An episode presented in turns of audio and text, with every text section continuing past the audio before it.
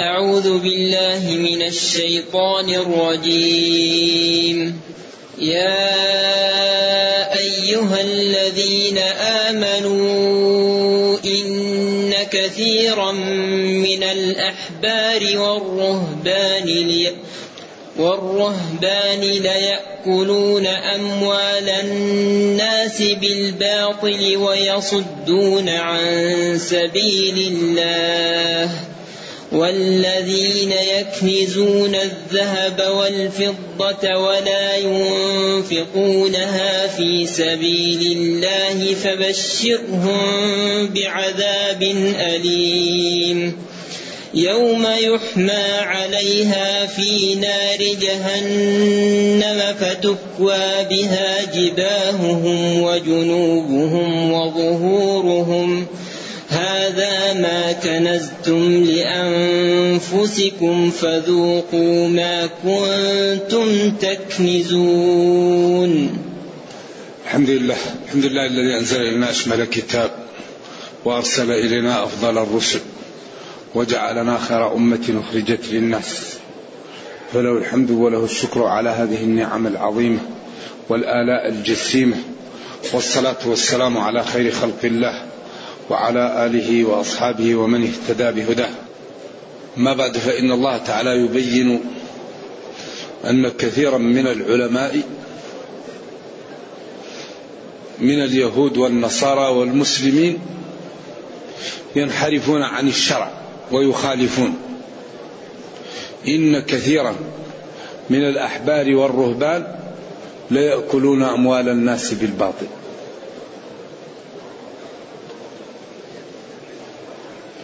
والله إن كثيرا من الأحبار والرهبان ليأكلون أموال الناس بالباطل. الأحبار جمع حبر أو حبر. وهو العالم. والرهبان جمع راهب.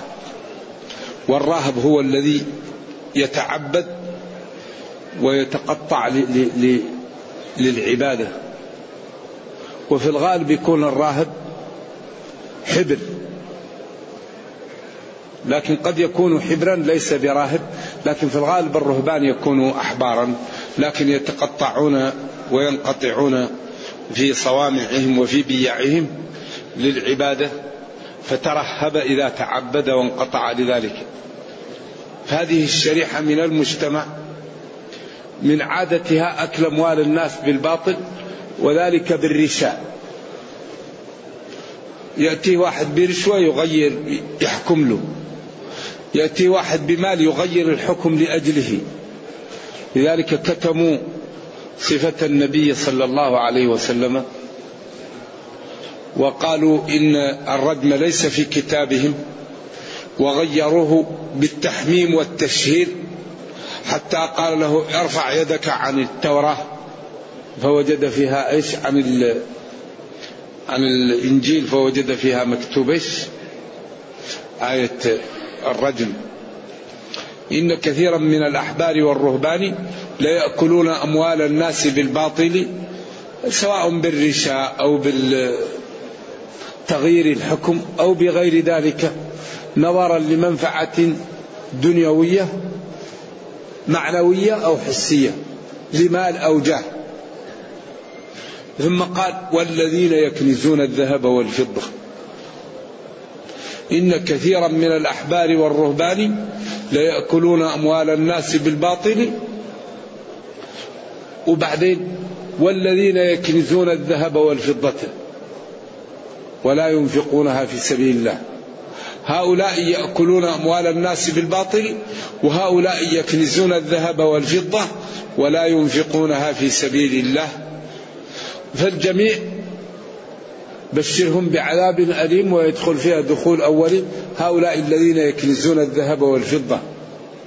وهنا وقفات مع كنز الذهب والفضة. ما الكنز؟ ما المال الذي يسمى كنزا؟ وكيف تكون زكاة الحلي؟ لأن هنا يكنزون الذهب والفضة. والذهب والفضة يكون منهم الحلي. هل الحلي المستعمل له زكاة أو لا يزكى؟ ثاني شيء ما هي زكاة الذهب والفضة؟ بعدين ما هي زكاة الديون؟ لأن الذهب والفضة أصول الأثمان آخر شيء ما هو الركاز المكنوز؟ ما هي زكاته وكم؟ هذه النقاط نحاول نشير إليها وربما نراجع في قضية الذهب زكاة الحلي لأن العلماء اختلفوا فيه وكل من القولين استدل بالنصوص وبالآثار وبالقياس وباللغة فأصبحت الأدلة متقاربة. لذلك ربما نعود إلى الكتب في هذه ونقرأ ما قال العلماء لأن ذلك يوضح لنا بعض المسائل. يكنزون الكنز هو ما جمع من المال. والذين يكنزون الذهب والفضة ولا ينفقونها. أي ولا ينفقون المكنوز. وإذا رأوا تجارة ولهوا انفضوا إليها. واستعينوا بالصبر والصلاة وإنها. كثيرا ما يأتي هذا الأسلوب. ولا ينفقونها أي الشيء المكنوز في سبيل الله. ولا ينفقون المكنوز في سبيل الله فبشرهم بعذاب أليم. أخبرهم خبرا تتغير به البشرة لما يجدون فيه من العذاب وهذا دليل على أن البشارة تكون للخير وللشر. وهنا العلماء اختلفوا ما هو الكنز. فجماهير العلماء قالوا الكنز هو الذي لا تؤدى زكاته.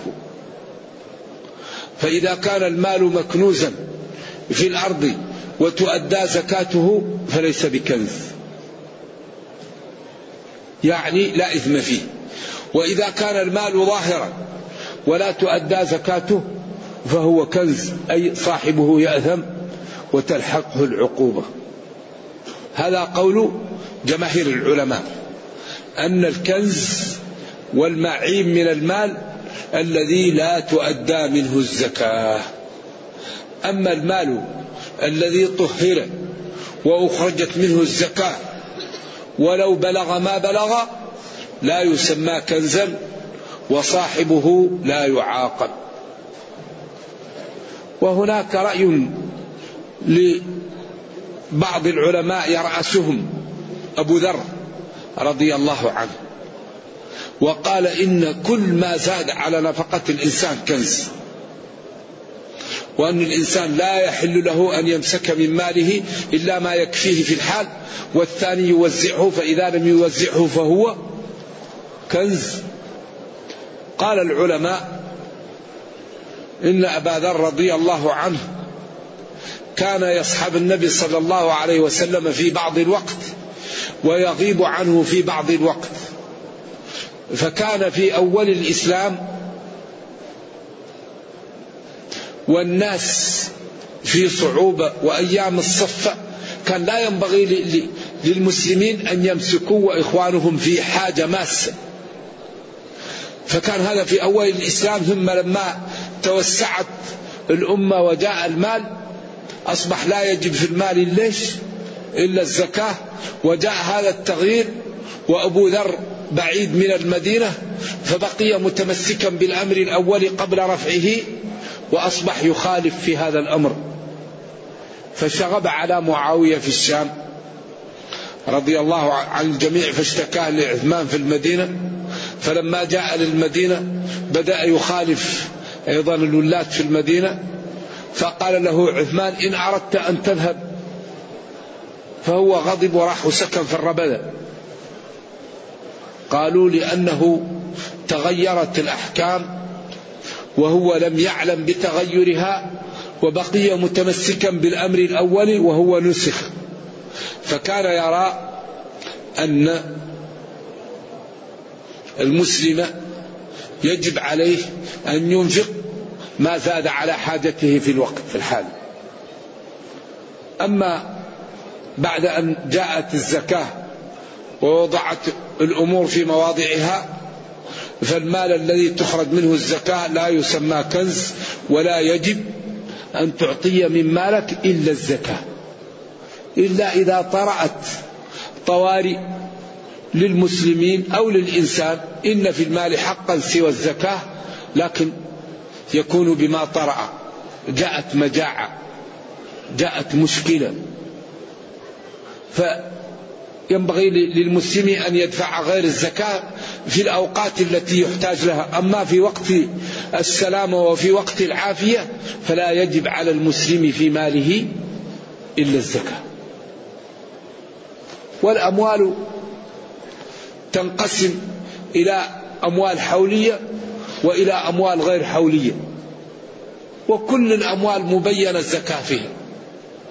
فالأنعام معروفة زكاتها الإبل والبقر والغنم.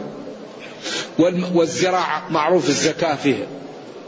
والذهب والفضة وعروض التجارة. لأن المال إما عروض تجارة وإما ذهب وفضة وإما زراعة وإما يعني أنعام إبل وبقر وغنم. هذه أنواع الأموال وكل الأموال يجب فيها الزكاة. كل غني يجب الزكاة في ماله. صدقة تؤخذ من أغنيائهم فترد على فقرائهم فأبو ذر يرى أن الزكاة أن المال لا يأخذ منه صاحبه إلا ما ينفقه الباقي يوزعه. الجمهور قالوا لا ليس ذلك هو اللازم وإنما تلزم الزكاة.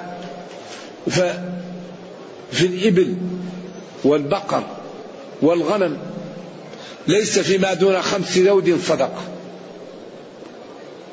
خمسة من الإبل فيها شاة أربعين من البقر ثلاثين من البقر فيها تبيع.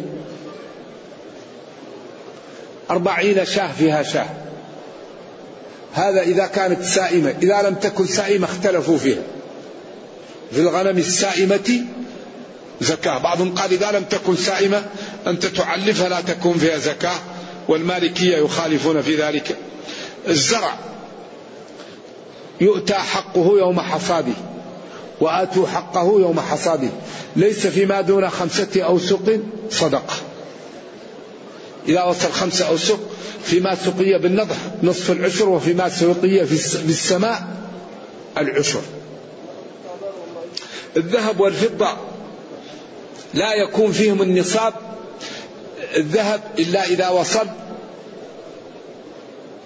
وصلت الذهب وصلت الفضة مئتي درهم. في أقل من مئتي درهم لا لا زكاة فيه. خمسة أواقي. لو قي خمسين درهم خمسين في أربعة مئتي درهم. اللي أقل من هذا ما في شيء. الذهب الذي أقل من عشرين دينار لا زكاة فيه. عشرين دينار فيها نصف دينار. وهل الذهب أصل قائم بذاته أو هو تابع للفضة؟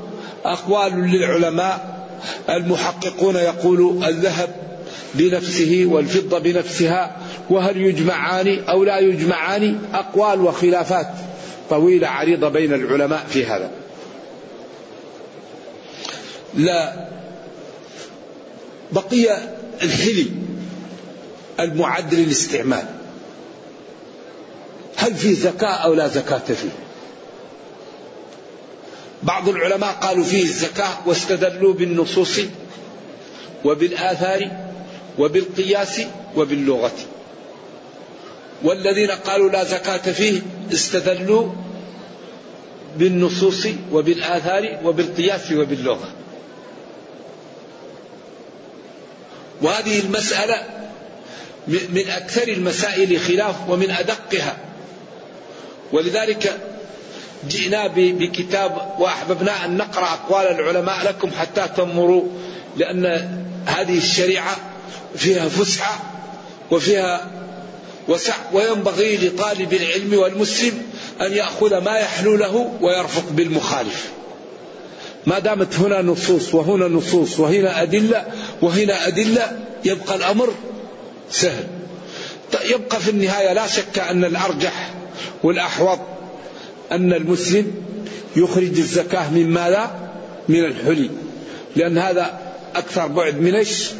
من الخلاف وأولى ولذلك نريد أن نقرأ في هذا الموضوع الآن أقوال العلماء وأدلتهم في أضواء البيان في سورة في سورة التوبة عند قوله تعالى والذين يكنزون الذهب والفضة ولا ينفقونها في سبيل الله لأن لأن هذا الموضوع الحقيقة نحن نحتاج إليه. هنا فيها هل يضم الذهب والفضة بعضهما إلى بعض في الزكاة أو لا؟ يقول لم أر في ذلك نصا صريحا عن النبي صلى الله عليه وسلم والعلماء مختلفون فيه.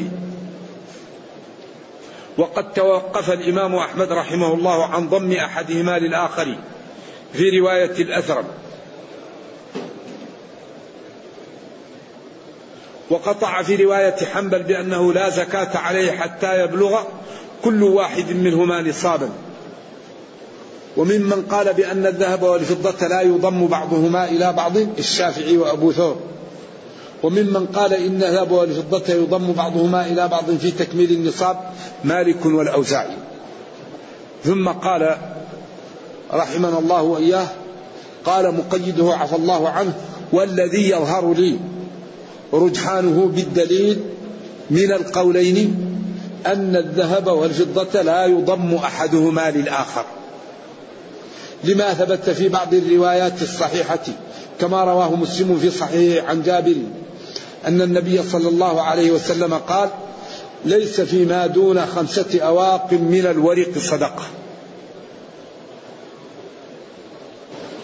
الحديث فلو كان عنده أربع أواق من الورق الذي هو الفضة وما يكمل النصاب من الذهب فإنه يصدق عليه بدلالة المطابقة أنه ليس عنده خمس أواق من الورق. وقد صرح النبي صلى الله عليه وسلم في هذا الحديث الصحيح أنه لا صدقة في أقل من خمس أواق من الورق. إذا المسألة الثانية اختلف العلماء في زكاة الحلي المباح. فذهبت جماعة من أهل العلم إلى أنه لا زكاة فيه. وممن قال به مالك والشافعي. وأحمد في أصح قوليهما. وبه قال عبد الله بن عمر بن الخطاب وجابر بن عبد الله وأنس بن مالك وعائشة وأسماء بنت أبي بكر رضي الله عنهم وسعيد بن المسيب وسعيد بن جبير وقتادة وعطاء بن أبي رباح ومجاهد والشعبي ومحمد بن علي والقاسم بن محمد وابن السيرين والزهري وإسحاق وأبو ثور وأبو عبيد وابن المنذر هؤلاء قالوا الحلي المستعمل المتخذ للاستعمال لا زكاة فيه. وممن قال بأن الحلي المباح تجب فيه الزكاة أبو حنيفة رحمه الله. وروي عن عمر بن الخطاب وابن عباس وبه قال ابن مسعود وعبد الله بن عمرو بن العاص وميمون بن مهران وجابر بن زيد والحسن بن صالح وسفيان الثوري وداود. وحكاه ابن المنذر أيضا عن ابن المسيب وابن جبير وعطاء ومجاهد وابن سيرين وعبد الله بن شداد والزهري. إذا هذه جلة من العلماء قالت إن الحلي المستعمل فيه الزكاة. وجلة من العلماء قالت إن الحلي المستعمل المتخذ للاستعمال لا زكاة فيه. وهنا قال المؤلف رحمه الله وسنذكر إن شاء الله تعالى حجج الفريقين ومناقشة أدلتهما على الطرق المعروفة في الأصول وعلم الحديث ليتبين للناظر الراجح من الخلاف. اعلم أن من قال بأن الحلي المباح لا زكاة فيه تنحصر حججه في أربعة أمور. الأول حديث جاء بذلك عن النبي صلى الله عليه وسلم. الثاني آثار صحيحة عن بعض الصحابة يعتضد بها الحديث المذكور.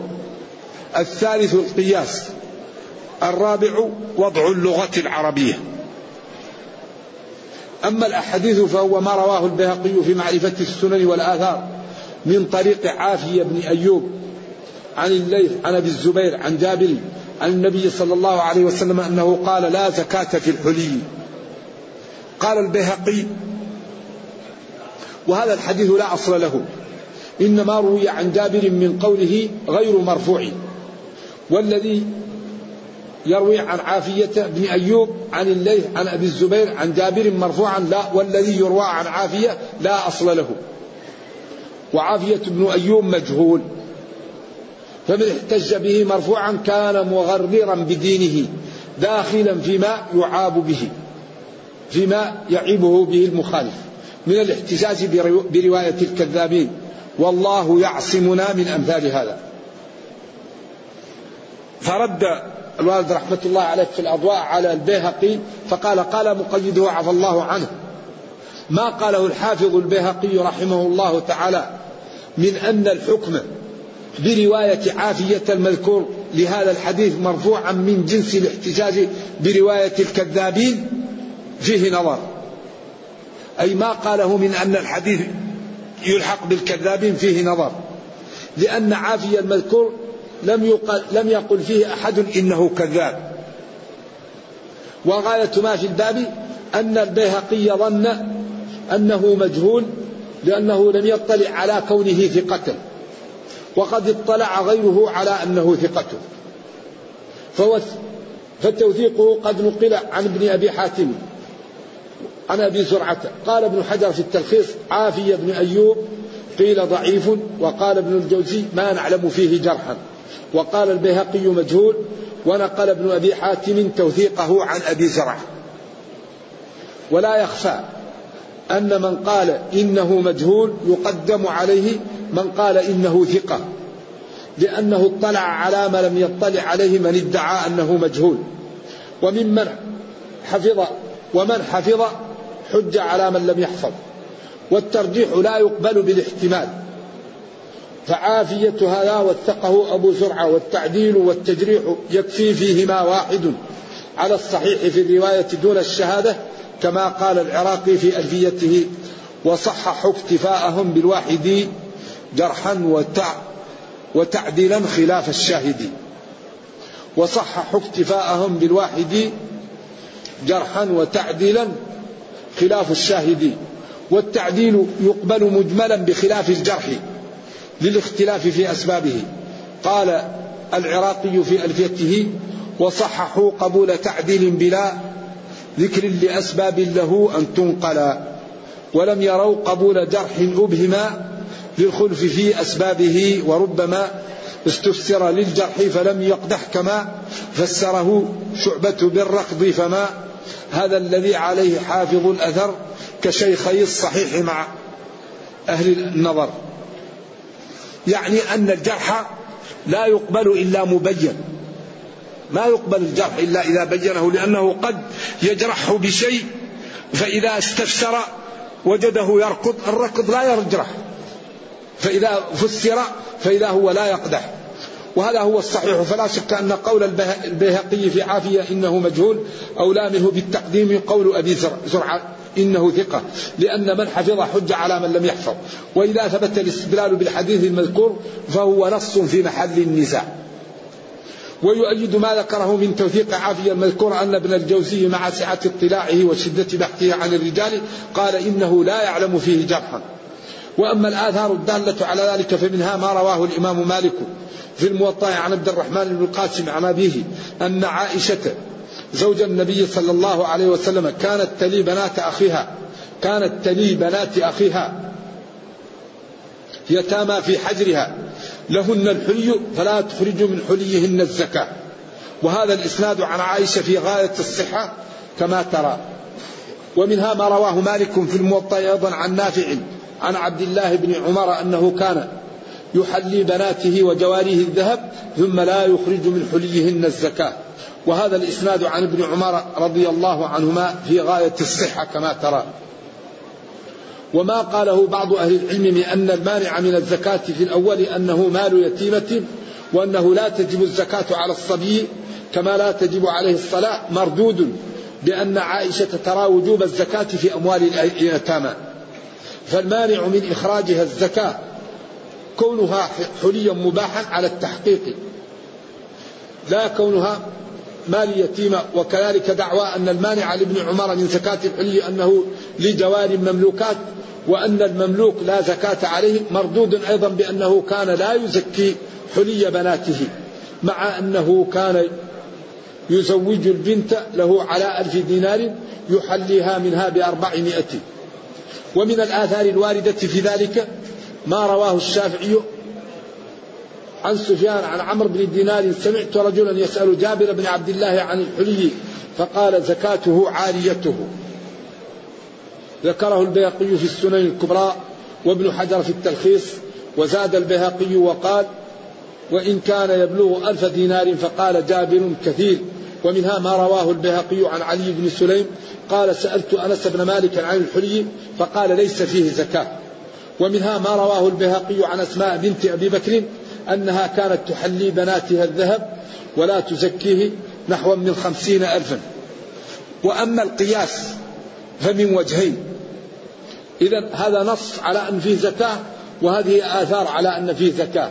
الدليل الثالث القياس على أن فيه الزكاة. الأول أن الحلية لما كان لمجرد الاستعمال لا للتجارة والتنمية ألحق بغيره من الأحجار النفيسة كاللولي والمرجان بجامع أن كل منهما للاستعمال لا للتنمية. إذا هذه أدلة من قال لا زكاة فيه. حديث وأثر والقياس. القياس يقول أن الحلية لما كان لمجرد الاستعمال لا للتجارة وللتنمية ألحق بغيره من الأحجار النفيسة كاللؤلؤ والمرجان بجامع أن كل منه منهما معد للاستعمال لا للتنمية. إذا لا زكاة فيه. وقد أشار إلى هذا الإلحاق مالك رحمه الله في الموطأ بقوله فأما التبر والحلي المكسور الذي يريد أهله إصلاحه ولبسه فإنما هو بمنزلة المتاع الذي يكون عند أهله فليس على أهله فيه زكاة. قال مالك ليس في اللؤلؤ ولا في المسك والعنبر زكاة. الثاني من وجهي القياس هو النوع المعروف بقياس العكس. وأشار له في المراقي بقوله في كتاب الاستدلال منه قياس المنطق والعكسي ومنه فقد الشرط دون لبس. وخالف بعض العلماء في قبول هذا النوع من القياس وضابطه هو إثبات عكس حكم الشيء لشيء آخر لتعاكسهما في العلة. ومثاله حديث مسلم أيأتي أحدنا شهوته وله فيها أجر؟ قال أرأيتم لو وضعها في حرام أكان عليه وزر؟ الحديث. فإن النبي صلى الله عليه وسلم في هذا الحديث أثبت في الجماع المباح أجرا وهو حكم عكس الجماع الحرام لأن فيه الوزر لتعاكسهما في العلة لأن العلة الأجر في الأول إعفاف امرأته ونفسه وعلة الوزر في الثاني كونه زنا. ومن أمثلة هذا النوع من القياس عند المالكية احتجاجهم على أن الوضوء لا يجب من كثير القيء بأنه لما لم يجب من قليله لم يجب من كثيره عكس البول لما وجب من قليله وجب من كثيره. وهذا فيه نظر.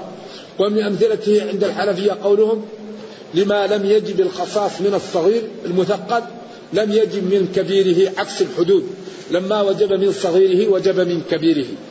ووجه هذا النوع من القياس في هذه المسألة التي نحن بصددها هو أن العروض لا تجب في عينها الزكاة فإذا كانت للتجارة والنماء وجبت فيها الزكاة. عكس العين فإن, فإن الزكاة واجبة في عينها فإذا صبغت حليا مباحا صيغت حليا مباحا للاستعمال وانقطع عنها قصد التنمية بالتجارة صارت لا زكاة فيها. إذا هذا الجانب الثاني من القصة أن ووجه هذا النوع من القياس في هذه المسألة التي نحن بصددها هو أن العروض العروض لا تجب في عينها الزكاة. عروض التجارة. فإذا كانت للتجارة والنماء وجبت فيها الزكاة عكس العين. يعني إنسان عنده مفارش في بيته عنده جلود عنده مخدات عنده أشياء للاستعمال لا زكاة فيها. لكن إذا كان يتاجر في, في, في الفراش وعنده ملايين ينعكس فتكون فيه زكاة. كذلك العين. العين أصلها أن تكون فيها الزكاة واجبة. فإذا صيغت حليا مباحا للاستعمال خرجت عن حالها وأصبحت مثل عروض التجارة التي ليست للتجارة العروض التي هي للاستعمال. واضح؟ وضح هذا أو أزيد إيضاح. نعم؟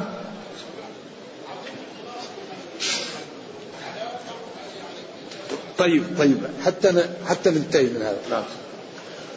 وأما وضع اللغة الدليل الرابع وضع اللغة فإن بعض العلماء يقولون الألفاظ الواردة في الصحيح في زكاة العين لا تشمل الحلية في لسان العرب.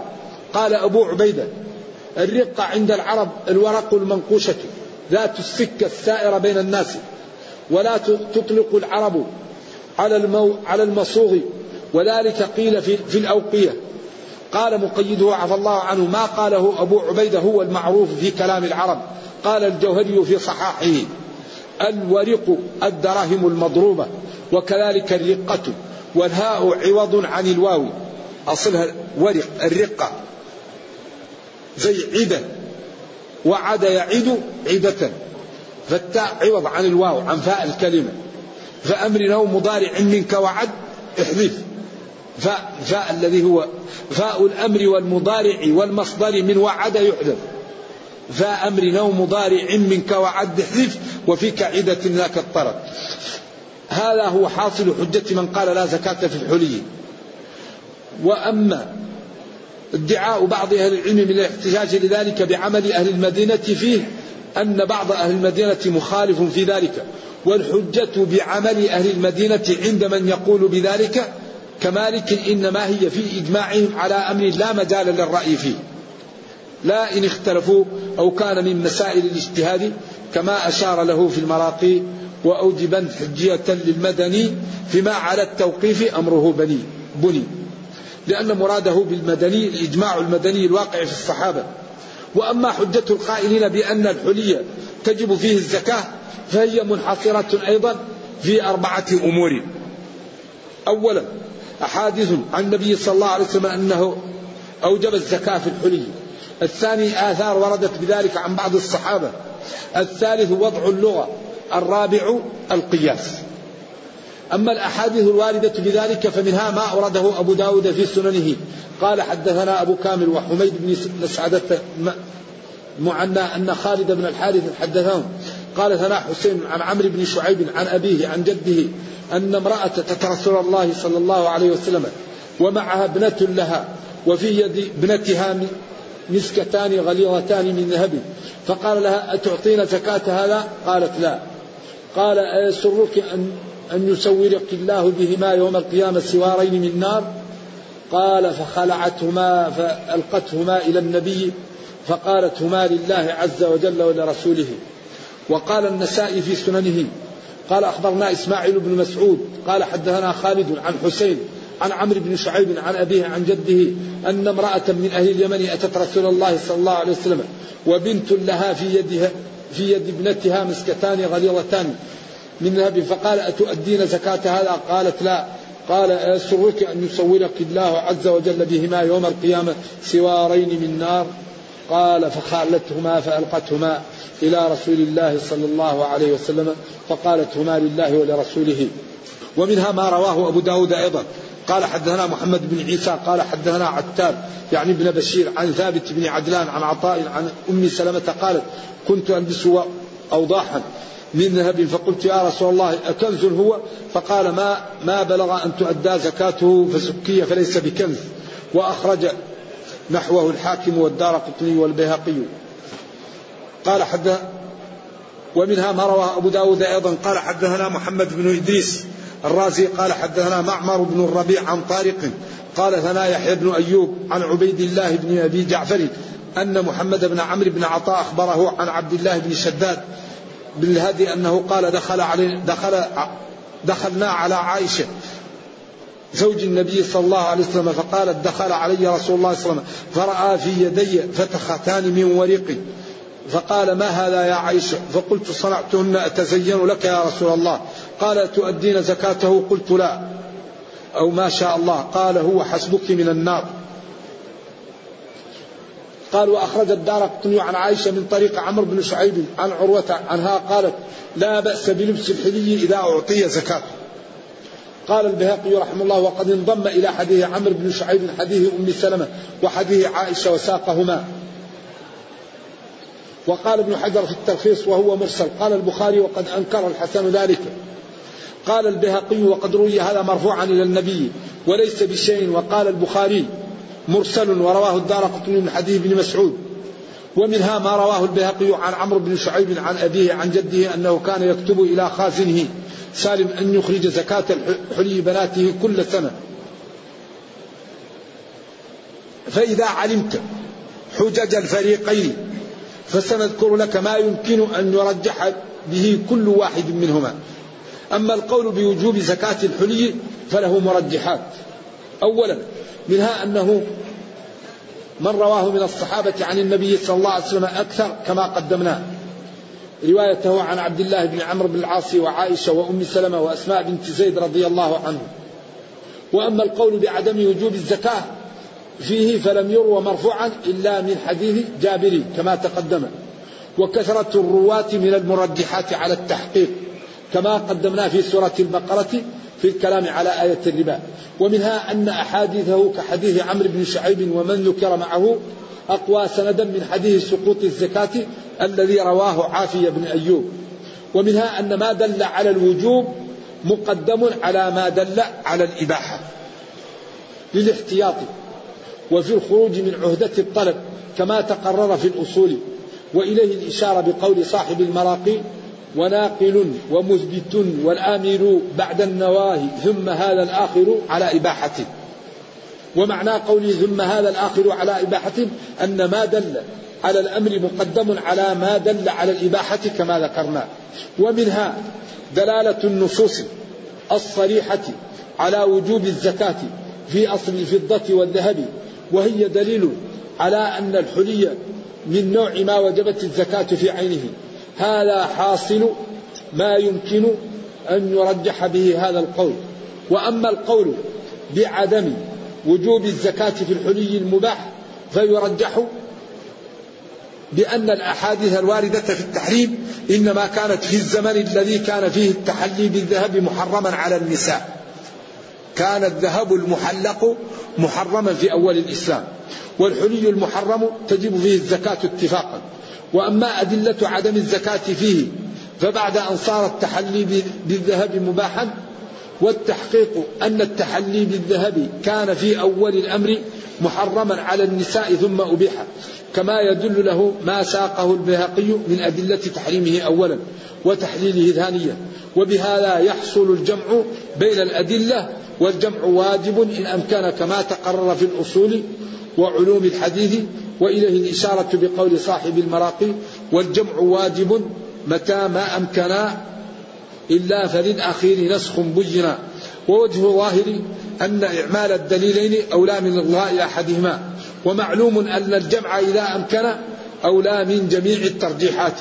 فإن قيل هذا الجمع يقدح فيه حديث عائشة المتقدم فإن فيه فرأى في يدي فتخات من ورق الحديث والورق الفضة.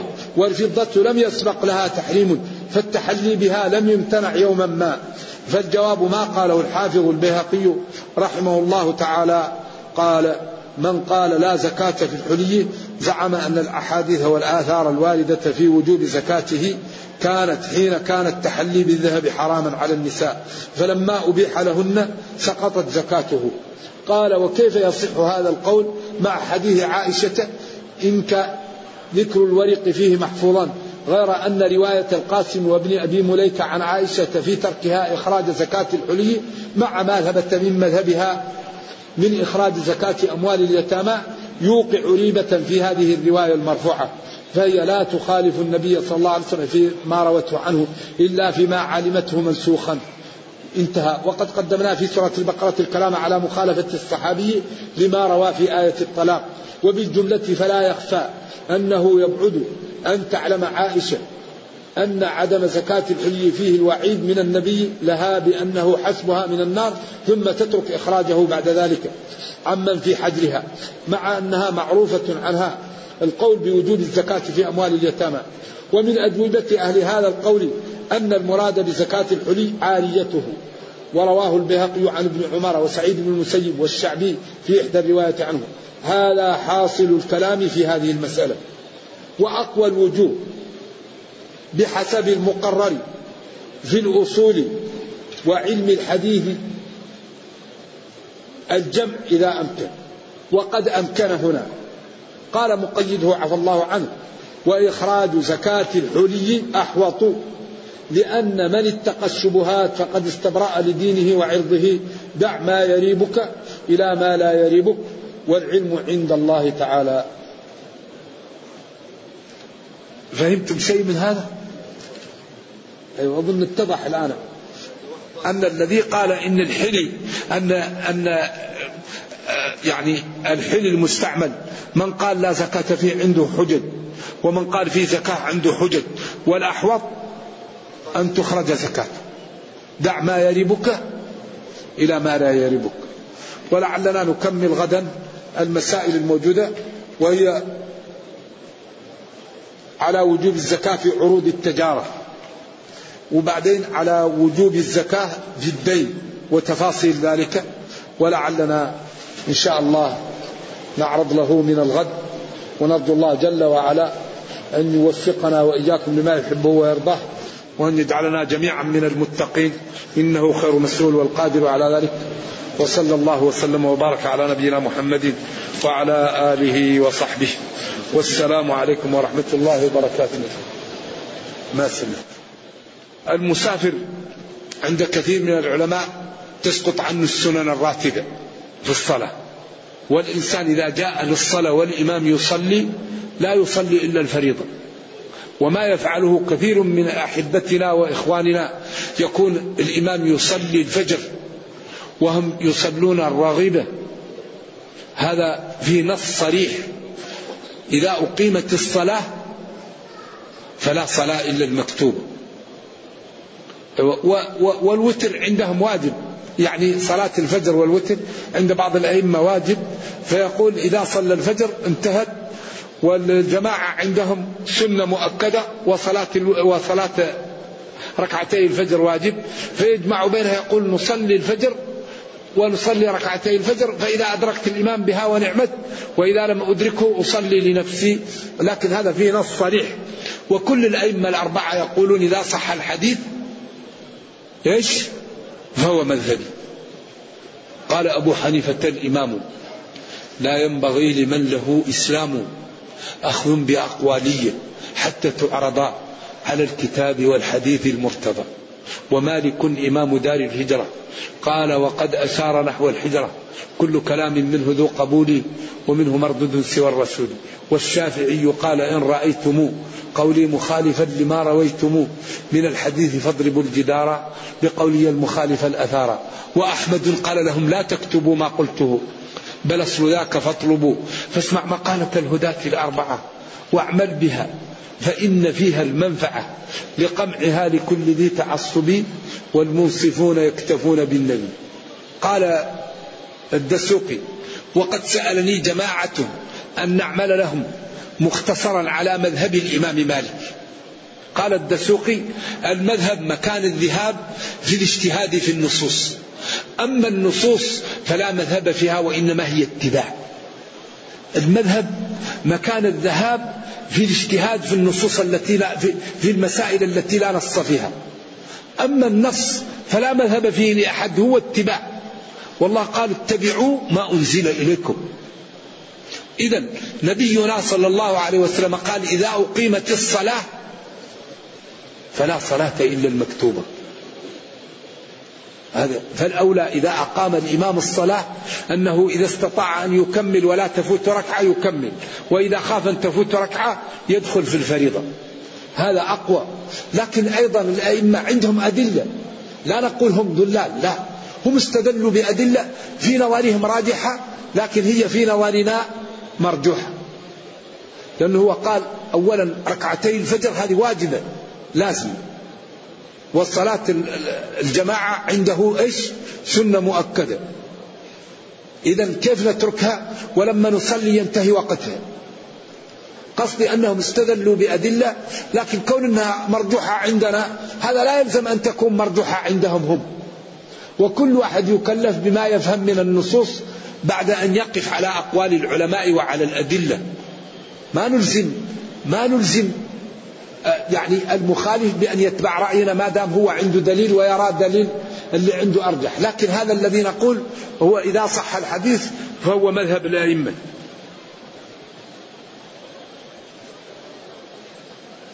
يقول ما الأوليات دعوة الناس إلى الله بعد التوحيد والعقيدة؟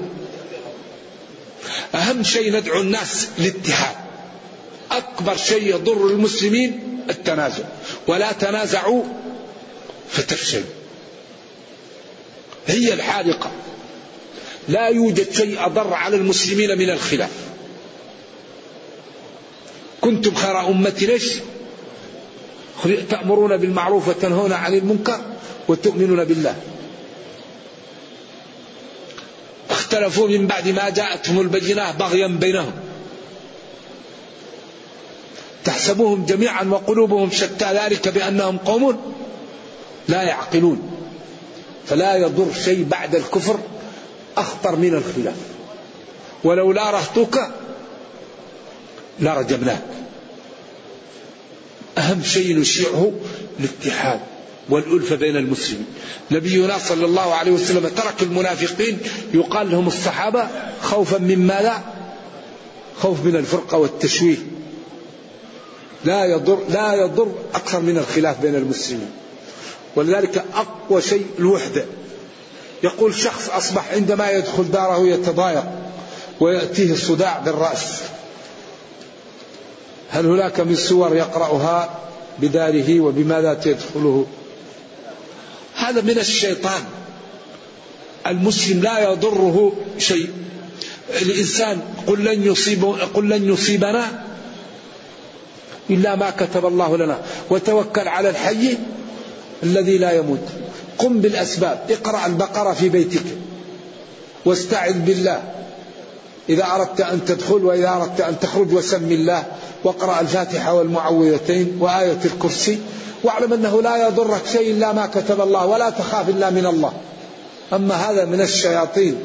الشياطين يأتون للإنسان الذي يكون معهم فيضلوه ويتعبوه. فينبغي للإنسان أن يتقي الله. يقول نظرا لأهمية الصلاة. وحاجتنا لمعرفة ما ينبغي أن يجعل بعض الدرس للصلاة ونؤكد على هذا. على كل حال إذا جاءت في الآيات ما في مانع. والصلاة لها شروط ولها أركان ولها واجبات ولها سنن ولها أنداب ولها مبطلات. وفي كتب آه، مبينة في الصلاة يعني آيات الأحكام وأحاديث الأحكام في الصلاة. وفي كتب الفقه والفقه المقارن. وحديث المسيء صلاته بين الأركان ووضحها والأمر سهل والحمد لله. هذه واحدة من الأخوات تقول في قسم النساء نسمع دروسك ونستفيد منها والحمد لله جزاك الله عنا خير. ويوجد أخوات من بلاد لا تنطق العربية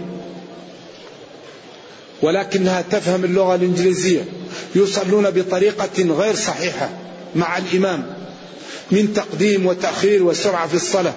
فلو يعمل لهم من يترجم لهم ويبين لهم. أظن أهل المسجد يعرفون ذلك وإن شاء الله يعملون لكم هذا الأمر وجزاك الله خير اكتفي بهذا.